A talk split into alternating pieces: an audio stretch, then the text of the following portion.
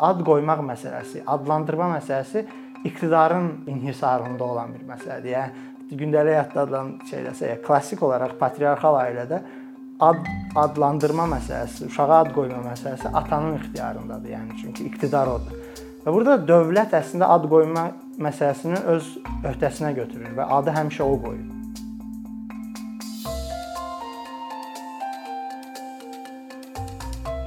Bundan təxminən 2 il əvvəl 2020-ci ildə Azərbaycan mətbuatında və sosial medianın Azərbaycan seqmentində belə bir müzakirə başladı ki, təklif var ki, Şamaxı rayonunun Saqiyan kəndinin adı dəyişdirilsin. Əvvəlcə bu biraz zarafat predmetinə çevrildi. Sonra həqiqətən kəndin adını dəyişdirib Günəşli qoydular.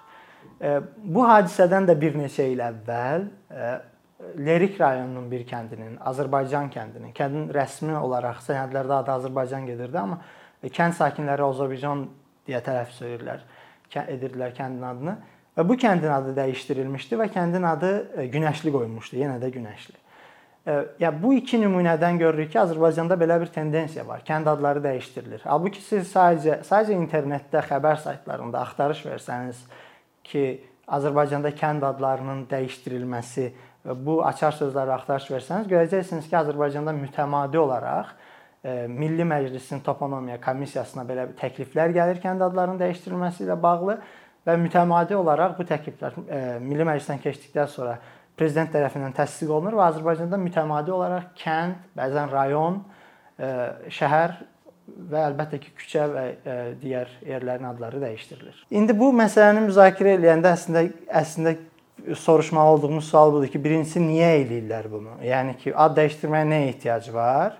İkincisi, ikinci sual odur ki, yəni bu bir bizdədirmi? Əslində ikinci sualdan başlamaq istəyirəm, çünki əksər məsələlərdə belə bir yanaşma, belə bir təsəvvür var ki, yəni ən azından mən mənim maraqlandığım Azərbaycandakı bütün məsələlərdə belə bir təsəvvür var ki, bu əgər Azərbaycanda hər hansı bir problem varsa, bu Azərbaycana unikaldır. Belə bir iddia var və əvvəla bundan başlamaq lazımdır ki, bu belə deyil. Ad dəyişdirmə məsələsi dünyanın bir çox yerində olub. Yəni bu bu bu, bu mənada çox yayılmış bir şeydir. Xüsusilə keçmiş müstəmləkə olan ölkələrdə, yəni dekolonizasiya prosesində çox ciddi bir ad dəyişimi prosedurundan keçirilib. Bunun konkret olaraq, yəni tədqiqat tədqiq edilmiş nümunəvi olaraq bir ölkəni götürülmüş, tədqiq edilmiş nümunələri var ki, hansı ki mənim tanış olduğum, məsələn, Sinqapurla Cənubi Afrika Respublikası ilə bağlı hallar var ki, bunlar çox ciddi e, öyrəniliblər.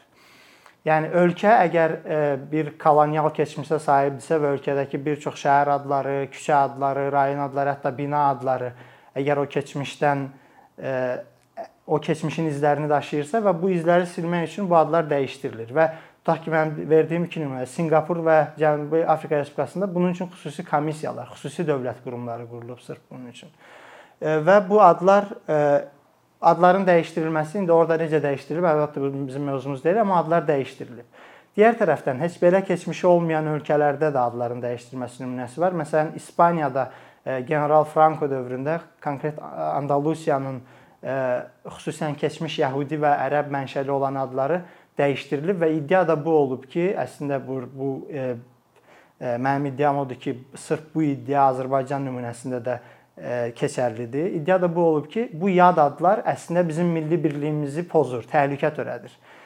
Və burdan hərəkətlə əslində mən onu fikirdəyəm ki, Azərbaycanda da yer adlarının dəyişdirilməsində sırf məsələ budur. Yəni yer adlarının dəyişdirilməsi məsələsi milli kimlik, daha doğrusu millət inşası prosesinin tərkib hissəsidir. Yəni siz o adları dəyişdirirsiniz ki, o adlar sizin fikrinizcə millətin birliyinə xələl gətirir. Hansı şəkildə təhlükə törədir, ya da yad görünür.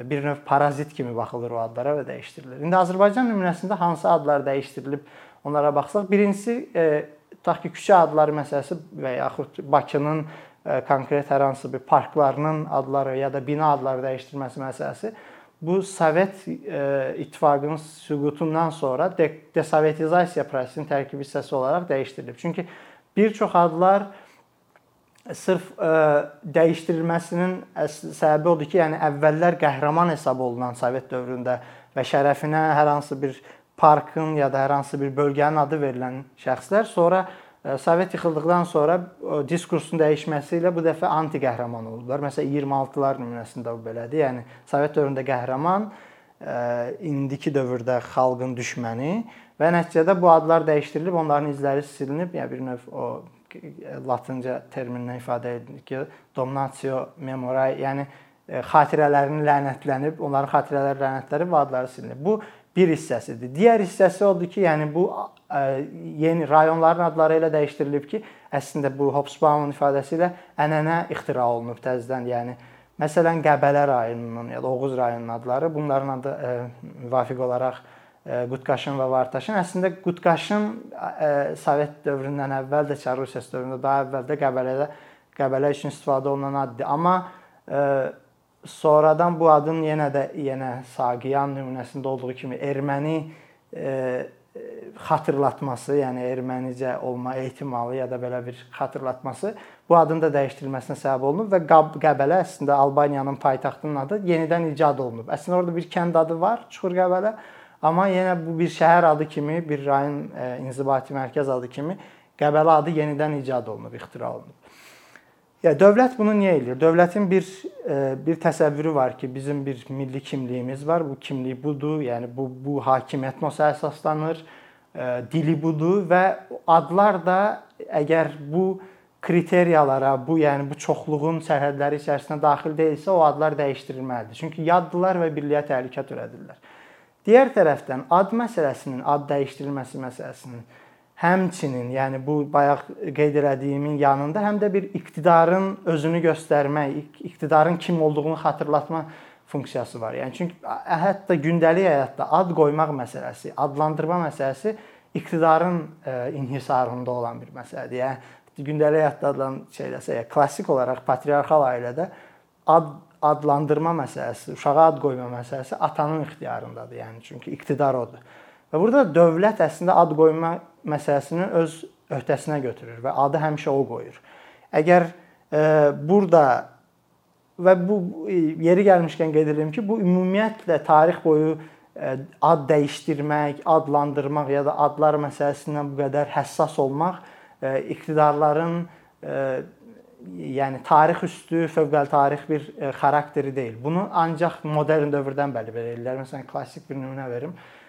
Osmanlılar 1450-ci il, 53-cü ildə İstanbulu tuturlar.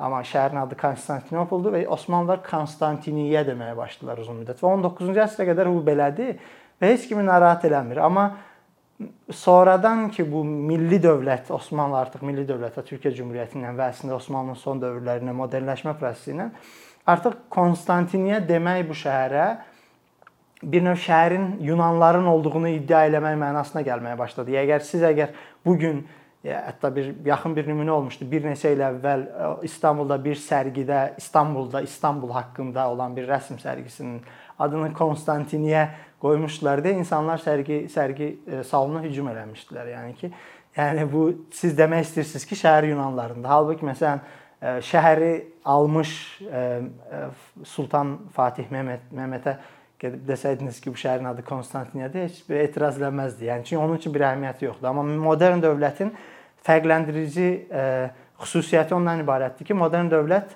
e, bir tərəf tək təklik istəyir. Yəni hər şey birdir. Yəni bizim bir dilimiz var, bir dinimiz var. Hər şey bir, biz birik, hamımız, hamımız eyniyik və ona görə adlarımız da bir dildə olmalıdır və bunun kənarına çıxanda siz artıq yad hesab olunursunuz.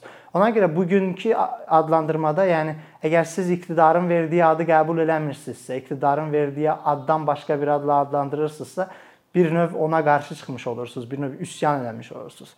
Hətta yəni konkret bir nümunədə yenə başqa, məsələn, Sovet dövründə verilmiş adlar, amma yəni ki, Stepanakert adı var və Xankəndi adı var. Yəni daha köhnə ad sonradan bərpa olunub. Bu gün Azərbaycanda kiminsə çıxıb e, Xankəndiyə Stepanakert deməsi ya da əks tərəfdə Stepanak ermənilərdən kiminsə Stepanakertə Xankəndi deməsi avtomatik olaraq e, çox ciddi e, təzyiqlərlə üzləşməsi üçün əsas ola bilər. Əgər siz Azərbaycanda Stepanakert deyirsinizsə o şəhərə bu, bu onu göstərir ki, siz avtomatik demiş olursunuz ki, ora ermənilərindir. Yəni bu qəbul olunan bir şey deyil. Ona dövlət bu barədə adlandırma məsələsində e, özünə müxalifəti qəbul eləmir. Amma yenə də insanların bir e, bəzi hallarda, bu cür hallarda, bu cür nümunələrdə yox, amma bəzi hallarda bir cür müqavimət mexanizmləri var. Yəni adlandırma həmişə heç də tamamilə çox sürətlə qəbul olunmur insanlar tərəfindən. Məsələn, e, bir nümunə verim. Məsələn, Bakıda Sovet dövründən sonra adları dəyişdirilmiş bir çox küçə adları var. Onların bir çoxu hələ də insanlar köhnə adlarına xatırlayır. Məsələn, e, Targovu hamımız Targovu deyirik. Yəni bu e, çox da Sovetdən də köhnə bir addır. Ya da Nobel prospekti, keçmiş Nobel prospekti. O ki, prospektin əvvəl adı e, Fəhlə prospekti olub, sonradan e, Nobel prospekti deyə dəyişdirilib, sonradan çox yaxın dövrlərdə 8 noyabr prospekti olaraq dəyişdirilib. Amma hər hansı bir taksiyə otursanız, tutaq ki, özünüz və ünvan deyəndə Rabochi prospekt desəniz daha yaxşı başa düşər, nəinki 8 noyabr prospekti. Çünki o elə qəbul olunur. Ona insanlar bir növ ya da kənd adlarının dəyişdirilməsi nümunəsində insanlar müqavimət göstərirlər. Əslində adlan adlandırmaya qarşı, yəni bir növ adlandırmayı qəbul eləməməklə, köhnə adlandırmadan istifadə eləməklə müqavimət göstərirlər. Amma əsas burada e, iki dənə sual verilə bilər və əslində üçüncü sual, yəni nə edə nə etməliyik əslində? Biz necə davranmalıyıq sualı da bunlara uyğun olaraq verilə bilər. Birinci məsələ budur ki, biz adların dəyişdirilməsinə ümumiyyətlə müqavimət göstərməliyikmi? Yəni adların dəyişdirilməsi daha doğrusu yəni öz özlüyündə yaxşıdırmı, pisdirmi? Yəni buna müqavimət göstər göstərilməlidirmi? Yəni tutaq ki, bir çox hallarda əgər bir ölkə öz e, kolonial müstəmləkə keçmişindən e, qurtulmaq istəyir.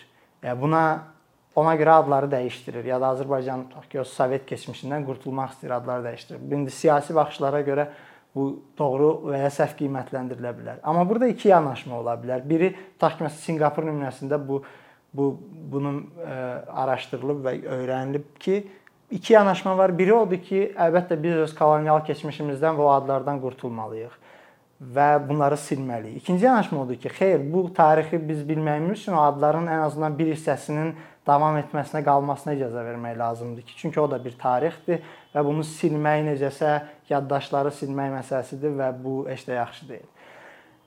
İkinci, yəni bu iki yanaşmanın hə, hər ikisi əslində vəziyyətə görə qiymətləndirilə bilər. Yəni siz həm siyasi görüşünüz görüşünüzə görə də bunlardan birini seçə bilərsiniz. Məsələn, tutaq ki, Azərbaycanda əgər tutaq ki, tutaq ki, çox belə ortodoks kommunistsə, siz yəqin ki, Azərbaycanda bütün adların dəyişdirilməsinə qarşı çıxarsınız.